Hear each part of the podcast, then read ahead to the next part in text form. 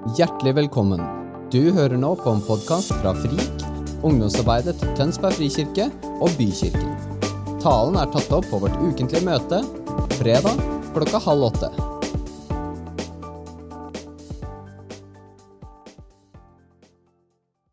Er dere våkne? Flott. Kan ikke dere ta oss og Tusen takk, Petter. Ta oss og Klask litt på kinnet til sidemannen. Passer vi på at alle er våkne her. Bra. Nå blei det liv. Det er godt å høre. Bare sånn at dere veit det, så skal det være litt lyd fra salen, altså. Ikke sånn forstyrrende, men sånn backende. Dere har lyst til å skryte litt av det lovsangsteamet her. Det var nemlig sånn at uh, Vår uh, lovsangsjef Jan André, som egentlig leder det teamet her, han meldte litt sånn akutt sykdom i dag. Uh, og så var det noen som steppa inn og tok ansvar for han, bl.a. David, som vinker der. Og de gjorde en kjempejobb. Ja, gi dem en kjempeapplaus.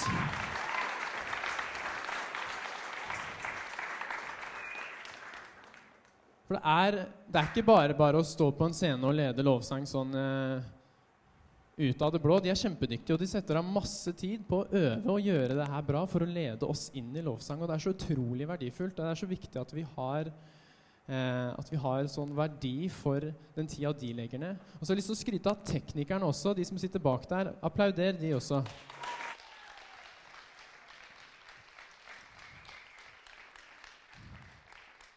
Jeg pleier alltid å påpeke det, at teknikeren er like fullt en del av lovsangsteamet som det lovsangsteamet er.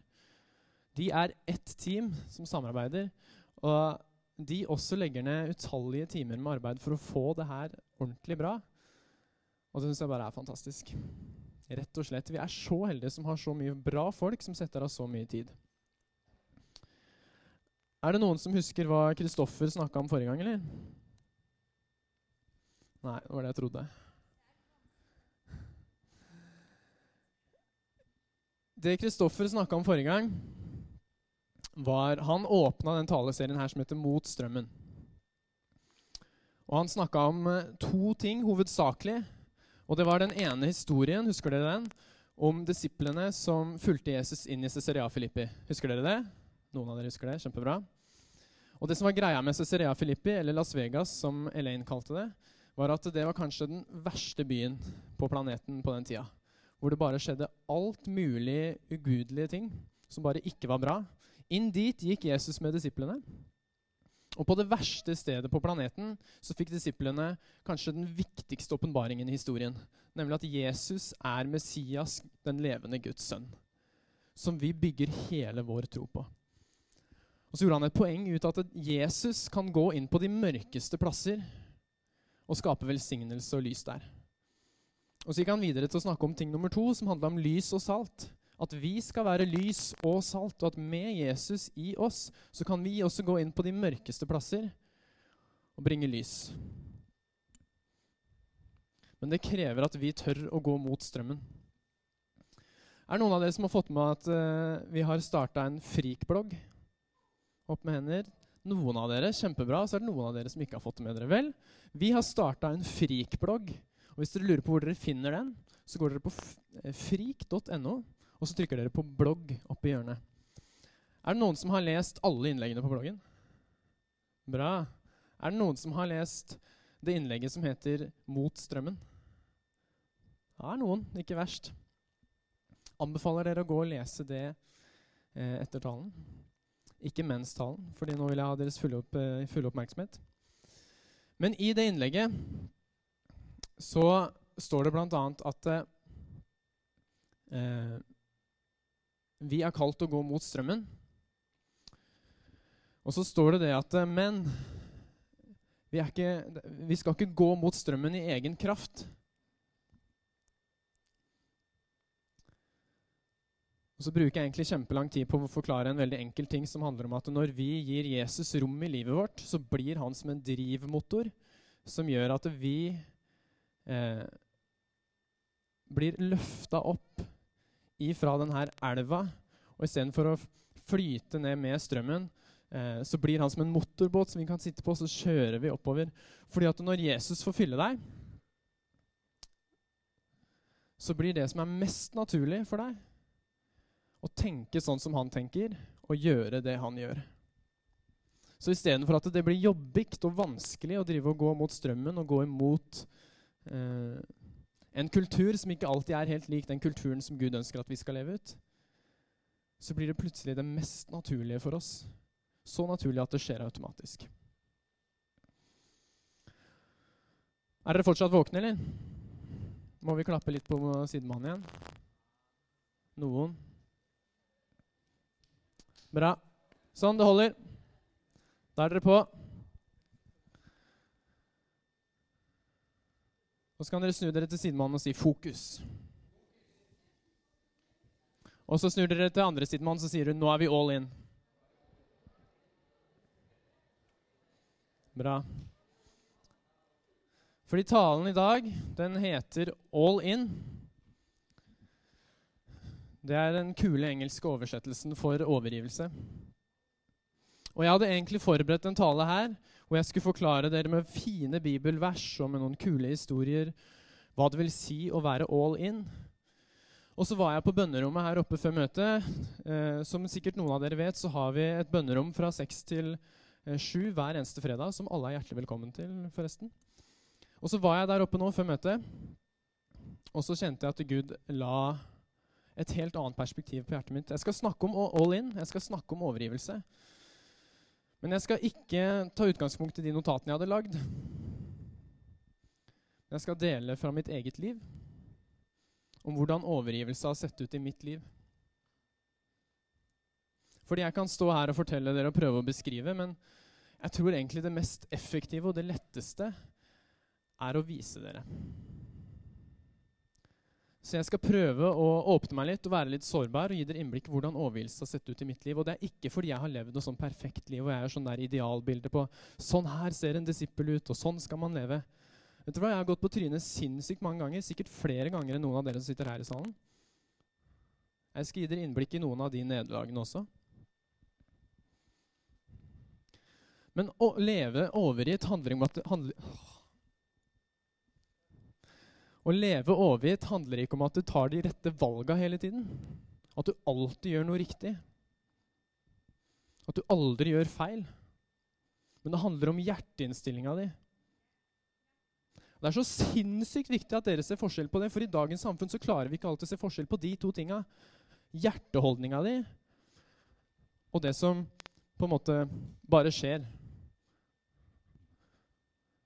Fordi Noen ganger kan vi, vi kan gjøre en feil, vi kan se på noe vi ikke burde se på, vi kan si noe vi ikke burde ha sagt, vi kan krangle med noen og gjøre dumme ting som vi veit at vi ikke burde gjort. Og så kan vi tenke at dritt nå, nå, nå, er det her Nå er det meg. Jeg gjorde den skikkelig dustete greia der. Nå definerer den meg. Jeg er en Jeg er en, en mobber, jeg, fordi jeg sa det til fyren. Og jeg er en tyv fordi jeg tok det. Ja. Men så handler det egentlig aller mest om hjerteholdninga di. I Bibelen så står det at Gud ser til hjertet. Han er interessert i hva som skjer her inne. Og Det handler om at du har et fokus om at du ønsker å gå den veien som Jesus leder. Og selv om du snubler av og til, så går det bra fordi Jesus har dødd på korset. Og han har tilgitt oss alt. Så hver gang vi snubler, så kan vi reise oss igjen og si, 'Jesus, jeg dreit meg ut.' Så kommer Jesus og sier, 'Det går bra. Vi går videre. Vi prøver på nytt.' Jeg elsker deg fortsatt. Jeg har fortsatt trua på deg. Jeg har fortsatt en plan for livet ditt. Det her er peanuts. Og I mitt liv så har det vært mange sånne. Jeg har vokst opp i en kristen familie, så jeg har alltid hatt den, det privilegiet og den gleden av å, å um, ha Gud til stede i livet mitt på den måten at vi hadde andakter ofte på morgenen hjemme, vi ba sammen og litt sånne ting. Men det ble ofte veldig sånn religiøst, og det jeg mener med det, er at det ble veldig sånn ting, tomme ting som vi gjorde bare fordi det skulle man gjøre. Det hadde på en måte ikke noe liv i seg for meg. Helt til en dag hvor jeg var på en kristen sommerleir. Hvor jeg var akkurat gammel nok til å være med på ungdomsdelen av den leiren. Jeg var 13 år. Er det noen her som er 13 år? Herlig. Come on. 13. Great 13. Jeg var like gammel som de som rakk opp hånda. Og jeg satt på det ungdomsmøtet, og så lytta jeg. Fordi hele det ungdomsmøtet handla om at de som var til stede, fikk muligheten til å dele sine erfaringer med Gud og med Jesus. Og så lytta jeg til hvordan de her ungdommene delte eh, ting som var så levende for dem. Jeg husker, jeg husker, kjempegodt En av de begynte å gråte, en av de store gutta begynte å gråte da, han delte sin, sin, greie. Og Det gjorde sånn inntrykk for meg, fordi for første gang så skjønte jeg at det her med Gud og Jesus og alle de greiene der, det er noe i det. Det er ikke bare sånn tom religion og handlinger som vi gjør, men det her er det Bak alt det så er det en person som heter Jesus, som jeg på det tidspunktet ikke skjønte så mye av, men jeg skjønte at han var interessert i meg. Akkurat som at han hadde berørt alle de ungdommene i det ungdomsmøtet, så ønska han å berøre meg. Og Så gikk jeg hjem fra den sommerleiren eh, den dagen, og, for jeg bodde rett i nærheten. Og så sa jeg, sa jeg til Jesus at Jesus, jeg har lyst til å følge deg. Jeg har lyst til å gi hele livet mitt til deg.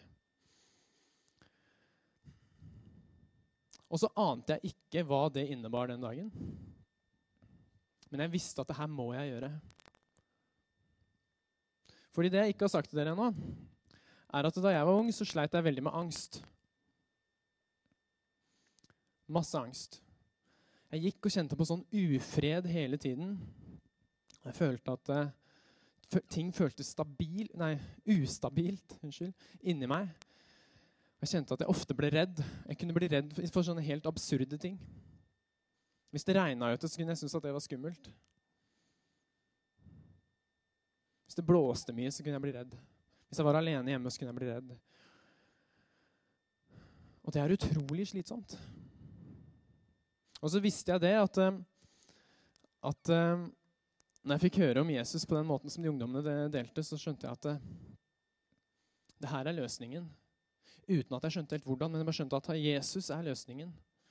Og Jeg ga livet mitt til Jesus, og så var det ikke sånn at det bare poff, nå var all angsten borte. Men fra den dagen som jeg tok imot Jesus, så, så gikk det en prosess inni meg hvor jeg bare ble mer og mer fylt av fred. Og jeg ble tryggere og tryggere på meg selv. Fordi jeg fikk erfare at Gud elsker meg, Gud er med meg, Gud beskytter meg. Så fikk jeg bli fylt av Guds fred. Og ca. et år etter det så var jeg på en samling i Oslo hvor det var en som forsynte om det å bli døpt i Den hellige ånd. Jeg skal ikke gå masse inn i hva det handler om, men eh, poenget er i hvert fall at, eh, at eh, jeg ante ikke hva å bli døpt i Den hellige ånd var for noe. Så jeg satt på det møtet og, tenkte at eh, det har jeg aldri hørt om. Og så inviterte han taleren alle de som ikke var døpt i Den hellige ånd, til å komme fram. Og så tenkte jeg at, eh, at eh, det har jeg ikke lyst til. Fordi det er skummelt. Så jeg tenkte at jeg blir bare sittende her. Men så var det sånn at han taleren han hadde bedt de som ikke var døpt i Den hellige ånd, å rekke opp hånda. Og det hadde jeg gjort. Og så var det en som var med mitt, mitt ungdomsteam, da, som hadde sett at jeg rakk opp hånda. Dust. Og han kom bort til meg, og så sier han, 'Halvor, du, jeg så at du rakk opp hånda. Skal jeg bli med deg fram, eller?' Han var en av ungdomslederne i det, i det teamet. Og jeg var litt sånn på den tida at uh, selv om Jesus hadde begynt å gjøre meg litt tryggere på meg selv, og sånn, så var jeg ikke helt trygg på meg selv, så jeg turte ikke liksom ikke å si, si nei til folk. Så jeg sa ja. Bli med fram, jeg. Så jeg blei med fram. Og jeg er så takknemlig for at jeg ikke turte å si nei. Fordi det førte til et av de sterkeste møtene jeg har hatt med Gud i mitt liv. For Vi gikk fram, Det var en svær gjeng, sikkert 100 stykker som gikk fram. Vi ble med han taleren inn på et annet rom, sånn det, for det var egentlig en konsert der. så den kunne fortsette. Og Så var vi inn på det rommet, og så, og så underviste han litt. Og så bare begynte vi å be Helligånd, kom og fyll meg. Og jeg var veldig oppriktig, Selv om jeg hadde lyst, ikke hadde lyst til å komme fram, så var jeg veldig oppriktig i min søken etter Gud. Jeg var så sulten på Gud. Og selvfølgelig hadde jeg lyst til at Gud skulle komme og møte meg. Så jeg sto der og ba Helligånd, kom og fyll meg. Og han som var med meg inn, begynner å be for meg. Mens jeg står der og ber, så bare kjenner jeg at noe skjer. Og det er akkurat som at Gud, med alt han er, kommer inn i det rommet. Med all sin kraft, all sin kjærlighet, all sin fred på en måte som jeg bare ikke kan forklare. Og så er det som at jeg står i en boble av hans nærvær. Og for første gang i mitt liv fram til da så kjenner jeg at all frykt er borte. All ufred er borte, og jeg bare kjenner en sånn ro inni meg som jeg har lengta etter i årevis. Og så skjønner jeg bare at wow Gud, Jesus, han er the real deal. Og det øyeblikket her, det blir så sterkt for meg at jeg er i ferd med å begynne å gråte. Og da på en måte åpner jeg øya og tar et skritt tilbake og snapper litt ut av det. For det syns jeg er litt sånn ubehagelig. Men fortsatt så kjenner jeg den roen er der. Jeg bare Shit. Gud er virkelig ekte. Og etter det så skjer det noe som er enda kulere. Og det er at fram til, fram til da, eh, i kanskje sånn to år, så har, lest, så har, jeg lest, Bibelen hver eneste dag. Et kapittel hver eneste kveld. Og Kanskje har jeg fortalt den historien her før, men det er gøy å høre den, fortelle den igjen. Og jeg leste av pur tvang. Jeg tvang meg selv til å lese fordi jeg var kristen, og jeg hadde tatt imot Jesus, og jeg hadde lyst til å lese Bibelen. Fordi det skulle man. Men jeg skjønte ikke en dritt av det jeg leste. Er det noen som har vært der, leste Bibelen, ikke skjønt en dritt av det de leser? Yes, Nesten alle har vært der. Så jeg leste et kapittel hver eneste kveld og skjønte ikke en dritt av det jeg leste, men jeg leste av tvang. Og så hadde jeg det her møtet med Gud, hvor, hvor, Guds ånd bare kom over meg, og jeg fikk virkelig kjenne fysisk på kroppen hans kjærlighet. Og etter det møtet, når jeg åpna Bibelen da, så var det som jeg så på den med helt nye øyne. Plutselig så skjønte jeg det jeg leste. Det ble levende for meg. Det hadde betydning for mitt liv her og nå. Og fra å liksom lese ett kapittel slavisk hver kveld så hadde jeg kvelder hvor jeg ikke klarte å legge fra meg boka. Hvor jeg leste og streka under og leste og skrev i margen. Hvor Gud bare viste meg ting som jeg, var, som jeg aldri hadde sett før eller skjønt. Og det her var liksom på en måte selve starten på min vandring med Gud. Mitt disippelliv.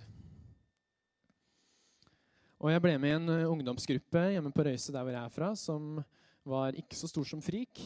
Vi var kanskje sånn, I starten var vi sånn 10-15 stykker, og så vokste vi mer og mer fordi, fordi eh, det var et sykt bra ungdomsarbeid.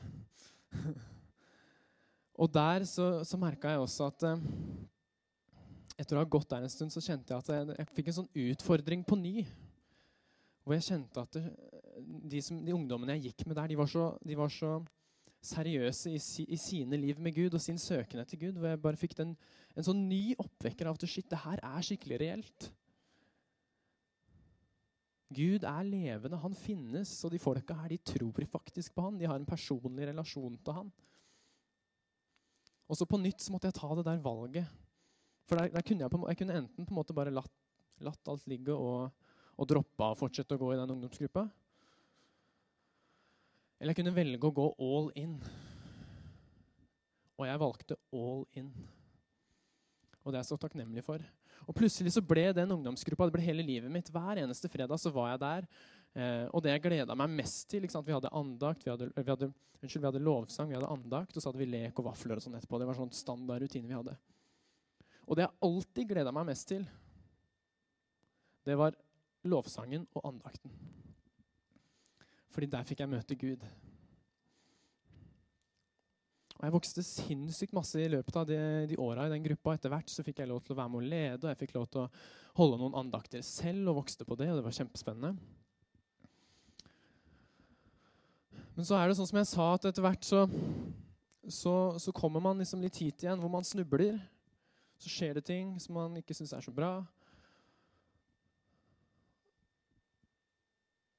Og så blir det litt tungere å leve den der overgivelsen. Og en av de tinga som skjedde for min del, var at eh, jeg begynte å se på pornografi. Jeg vet ikke helt åssen det begynte, men det var liksom en sånn greie som måte, kompiser snakka om på skolen, og så ble det liksom, hørtes sånn spennende ut, og så begynner man å sjekke det ut, og så plutselig så man fanga en sånn syklus som man ikke klarer å bryte ut av. Og så er det litt sånn godt og spennende i sånn to minutter, og så føler man skikkelig sånn skam. Føler seg som en skikkelig dritt etterpå. Og, og jeg var på en måte fanga i det i, i, omtrent to år. Og jeg fortsatte å gå i den ungdomsgruppa, og jeg, og jeg var fortsatt leder der. Og jeg var, jeg fikk lov til å holde andakter og. Så, videre. så følte jeg på mange måter at jeg levde et sånt dobbeltliv.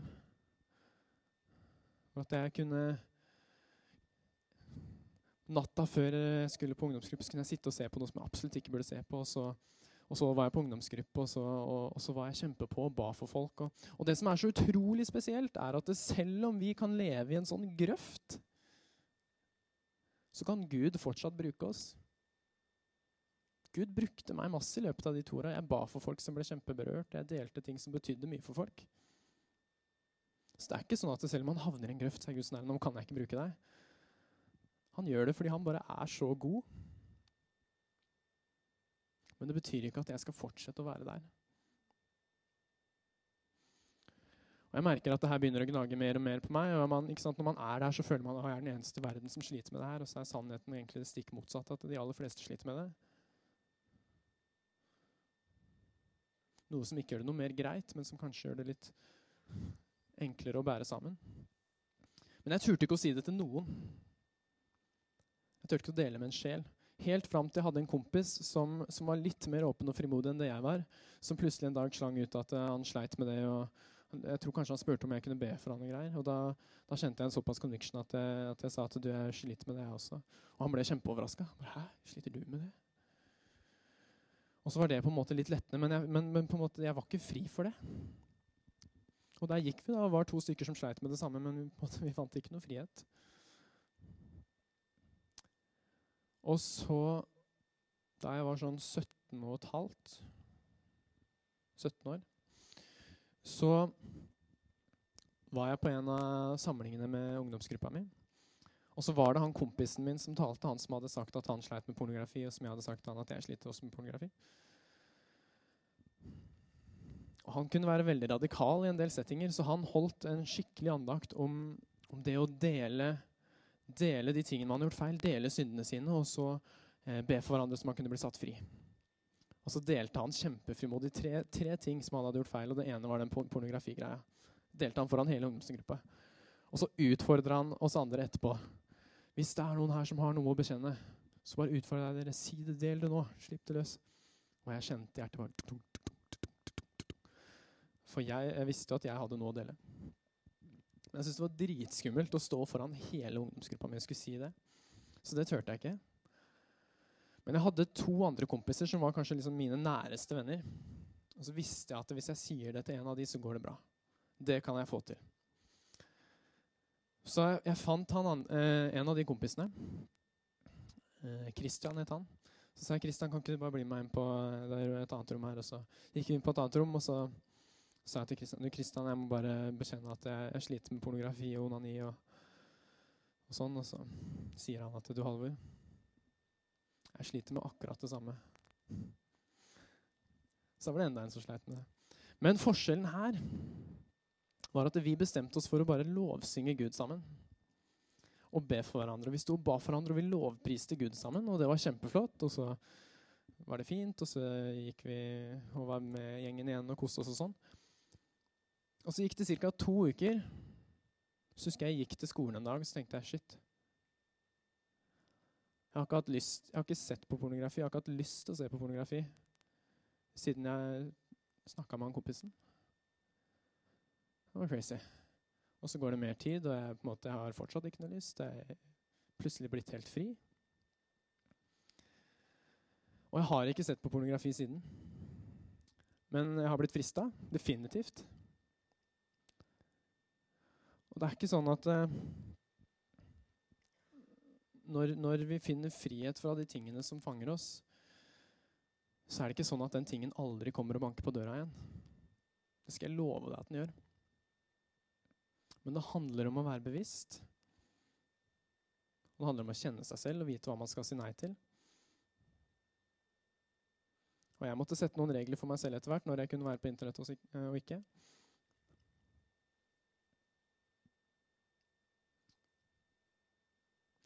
Men Gud kom og satte meg fri. Og så, gikk tida litt. Jeg fortsatte i ungdomsarbeidet, og jeg var fortsatt å investere der. Og, og, og være med å se at Gud gjorde spennende ting der. Så var jeg ferdig på videregående, og jeg visste at uh, jeg hadde bestemt meg for Jeg tror mens jeg gikk på ungdomsskolen, for at jeg skulle på bibelskole. Og så var det egentlig en bibelskole i Bergen som alle kompisene mine gikk, gikk på, som jeg hadde tenkt at den skal jeg også gå på. Så fikk jeg høre om en bibelskole i USA som heter Bethel School of Supernatural Ministry. Det er et ganske kult navn på en bibelskole. Bethel School of Supernatural Ministry. Og så var den helt i USA, i California. Og jeg, var, jeg, hadde på en måte blitt ganske fri fra den angsten og ganske trygg på meg selv, men jeg kjente at det å flytte til USA, det var et stort skritt. Det føltes litt tryggere å flytte til Bergen. Men så kjente jeg at jeg må gi det her en skikkelig sjanse, så jeg sa til Gud Gud, hvis du vil at jeg skal gå på den bibelskolen i USA, så skal jeg gi den mulighet. Jeg skal ta og søke. Og hvis jeg kommer inn, så tar jeg det som et ja. Da vil du at jeg skal gå på den skolen. Så jeg søkte, og det her er en skole med eh, For å gi det litt perspektiv, da. Det gikk 950 elever i, i klassen min da jeg gikk der. Eh, og det var omtrent 4000 søkere, sånn at det er ish 3000 søkere som ikke kommer inn. Så jeg, jeg, tenkte at hvis jeg kommer inn, så er det en ganske god indikator på at Gud vil ha meg der. Og jeg søkte, og jeg hadde sånn intervju over Skype med en av uh, folka der borte. Og det gikk fint. Og så fikk jeg beskjed på det intervjuet at uh, i løpet av uh, jeg tror det var to-tre uker så skulle jeg få svar om jeg hadde kommet inn. Så gikk det et par to-tre dager, så fikk jeg svar om at jeg hadde kommet inn. Så tenkte jeg ok, kult. Da blir det California. Det blir Redding i California, ikke Bergen. Spenstig. Og så begynner jeg å glede meg. Jeg hører mye bra om den skolen her. og skjer, skjer, Jeg skjønner at det her er et sted hvor det skjer fantastiske ting. Og så er det jo sånn at Når man skal til USA, så må man søke om visum. og Det er en heftig lang prosess som tar 100 år, og som er dritslitsom. Og jeg gikk gjennom hele den prosessen og sendte eh, all informasjonen min på ambassaden og var på intervju på ambassaden. og Jeg skal ikke gå i alle detaljene hvordan det var, men poenget mitt er at eh, visumsøknaden min, som var helt essensiell for at jeg skulle få gå på den skolen, ble denied. Det betyr Hva betyr det på norsk? Avvist, takk. Jeg har bodd for lenge i USA. Avvist pga. at jeg ikke hadde vist til at jeg hadde nok penger til å bo der. et eller annet tull. Og det her skjedde ganske seint på sommeren, så jeg ble ganske stressa. Jeg ble sånn, shit, det her er ganske viktig. Hvis jeg ikke får, hvis jeg ikke får visum, så kan jeg ikke gå på den skolen her. Da må jeg legge helt nye planer. og bare, hva gjør jeg nå? Så jeg ble kjempestressa. Vi begynte å be til Gud. vi bare, shit, Gud, vi må, det her, vi må, Jeg kjente jo sånn at jeg skulle på den skolen her. Vi må jo få det her til å funke. Eh, og vi hadde bestilt flybilletter, og eh, jeg, rakk å, eh, det, jeg rakk ikke å ta flyet da jeg skulle. Og vi ber til Gud om en løsning. Og For å gjøre en lang historie kort så, så får vi på mirakuløst vis tak i, eller finner ut at mannen til læreren til storebroren min jobber på den amerikanske ambassaden. Og gjennom han så får vi en sånn nødavtale på ambassaden. Eh, som gjør at eh, jeg får visum og får bestilt fly til USA og kommer til USA dagen før første skoledag. Det har vært en liten applaus, syns jeg.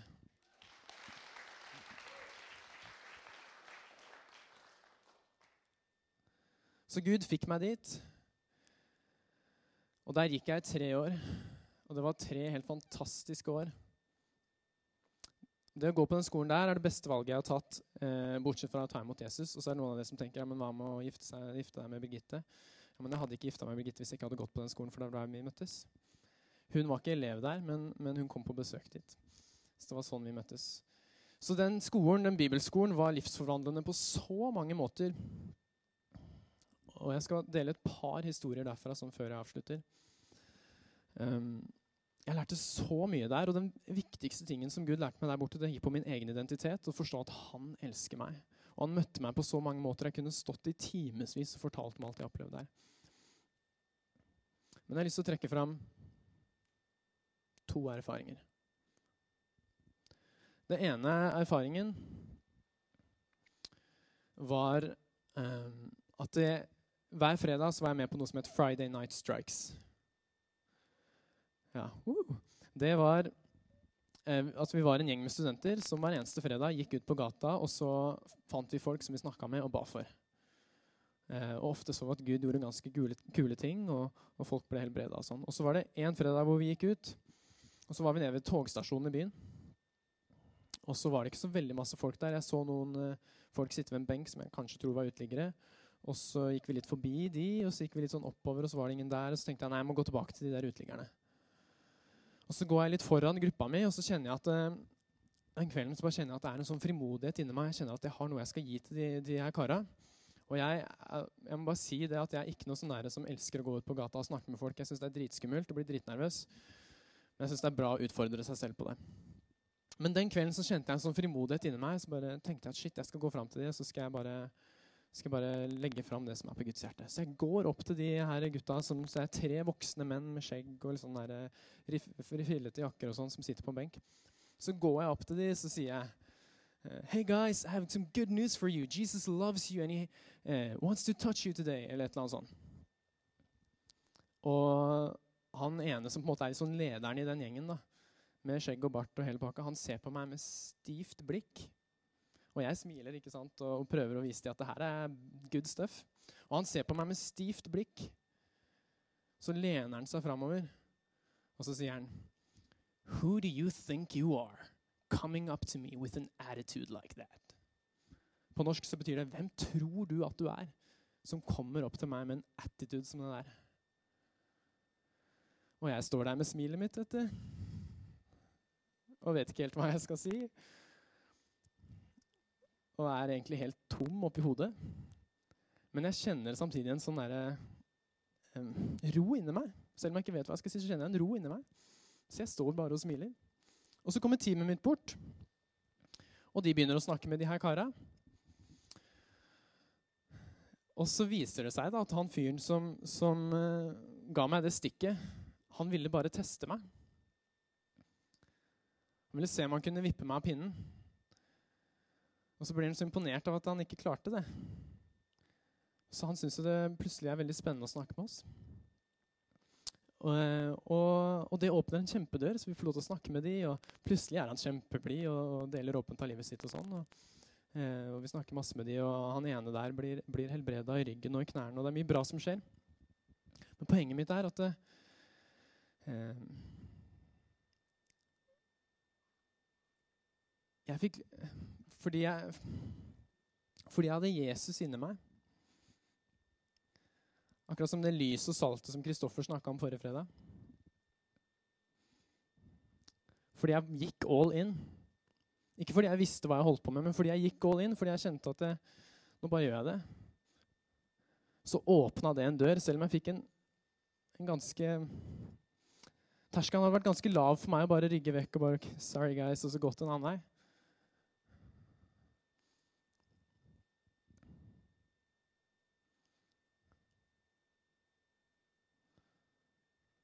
Men det å være disippel og leve all in, det handler ikke om at det,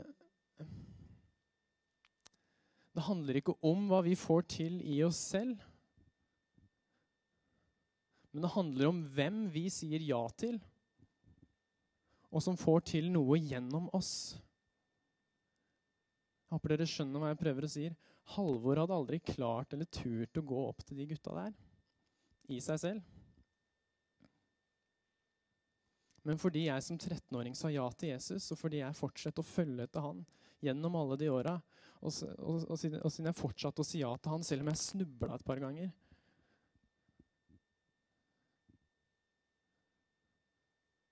så kunne Gud bruke meg. For det er det et disippelliv handler om. Det er det det handler om å være all in. Det handler ikke om at man gjør alt rett hele tida, men det handler om at man sier ja til Jesus. Ved hver, eneste sving og hver eneste sted man snubler, så reiser man seg igjen, så sier man ja til Jesus.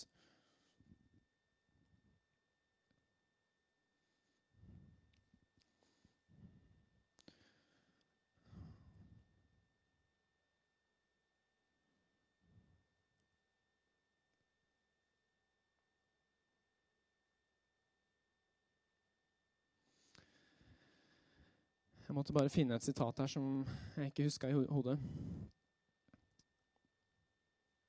Overgivelse er det skrittet du selv må ta. Men Guds hellige ånd er den som gjør deg i stand til å leve det livet som overgivelse krever. Overgivelse er det skrittet du selv må ta, men det er Den hellige ånd som gjør deg i stand til å leve det livet som overgivelse krever.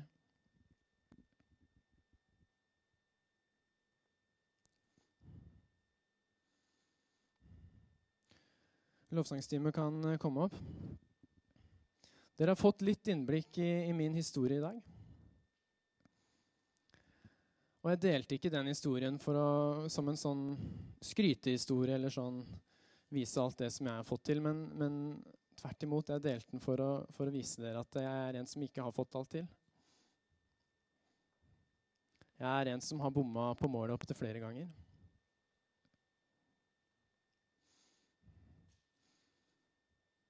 Men fordi jeg har valgt å si ja til Jesus hver eneste gang jeg snubla,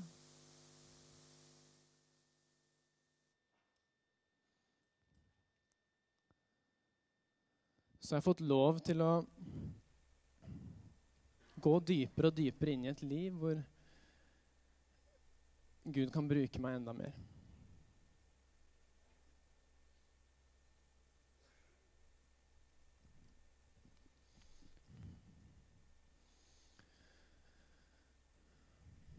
Hvis eh, Marius kan komme opp. Marius han har vært i England. Og har vært på noen spennende møter der. Og fått eh, lov til å erfare Gud på en veldig mektig måte. Og, han skal ta oss og få lov til å be, be over oss nå etterpå og få løse litt av det som han har erfart, og som Gud har lagt på hans hjerte. For overgivelse, det handler også om å ta imot. Thomas Åleskjær sa det da han var her, at, eh, at vi kristne er veldig flinke til å vite hva vi går vekk ifra, men ikke hva vi går til. Og i overgivelse så er det ikke bare sånn at vi, vi gir alt til Gud, men han gir noe tilbake. Han gir den freden og den kjærligheten som jeg snakka om.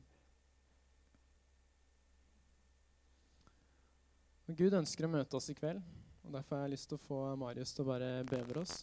Så jeg har lyst til å bare oppmuntre at hvis det, det kjennes naturlig for dere, så bare hold hendene deres fram foran dere som en sånn tegn på at jeg tar imot. Så skal vi få lov til å ta imot litt av det som Marius har fått lov til å ta imot.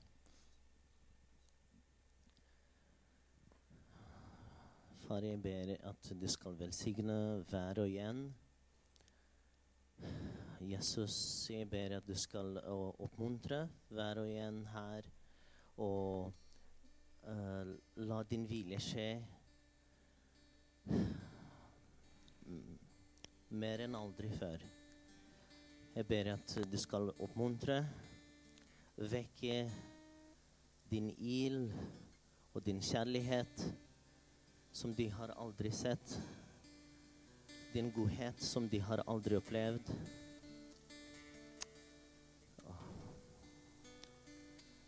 La din vilje skje mer og mer. For din ære. Mm. Amen.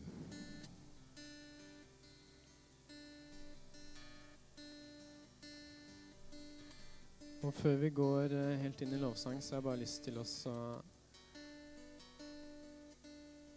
invitere dere til å gå til forbønn. Forbønn er jo noe vi gjør her hver eneste fredag. Det, det er en utrolig fin ting. Det er en tro, utrolig viktig ting.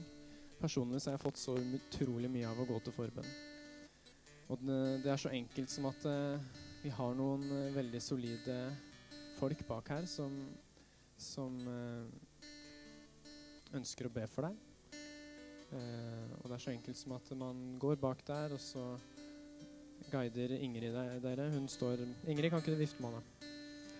Hun eh, viser dere til en person som eh, kan be for dere, og så kommer det en person til å si 'Hei, hva heter du?' og si navnet sitt. Og så spør de 'Hva kan jeg be for deg for?' Og så sier du hva det er, eller hvis du ikke engang vet hva det er, så kan du bare si eh, 'Jeg vet ikke'. Og så spør de om de kan legge hånda på skulderen din, og så ber de for deg. Og det er mange ting man kan gå til forbønn for. og Dere skal få lov til å gå til forbønn for akkurat det dere kjenner på, men jeg har lyst til å gi en, en bestemt invitasjon. Og det, er, eh, det går i forhold til dette med at man går gjennom livet, og så har man noen steder kanskje hvor man snubler. Og når, det, når man snubler, så kan det være vanskelig å reise seg igjen. Og jeg hadde greia mi med pornografi, og jeg hadde, hadde noen andre greier òg som jeg ikke rakk å gå inn på. Men vi har alle noen sånne greier som, som setter litt sånn stopper for oss. Og de greiene er det veldig ofte vanskelig å, å gå og bære på selv og, og komme seg ut av selv. Og noen av de tingene er det også veldig tøft å dele med andre. Men jeg har bare lyst til at hvis du har en sånn ting, og du vet selv hva det er, det kan være alt mulig, så vil jeg at du skal gå til forbønn. Og hvis du kjenner at uh, du syns det er ok å si det til den som ber deg for, så kan du godt si at ja, det er det, er det her, jeg har snubla litt i det her. Men hvis du syns det er skummelt å si det, så bare sier du at uh, Så sier du bare det Halvor sa. Så vet forberederne hva de skal be for. Så du har, du har snubla i noe, og du ønsker å reise deg igjen.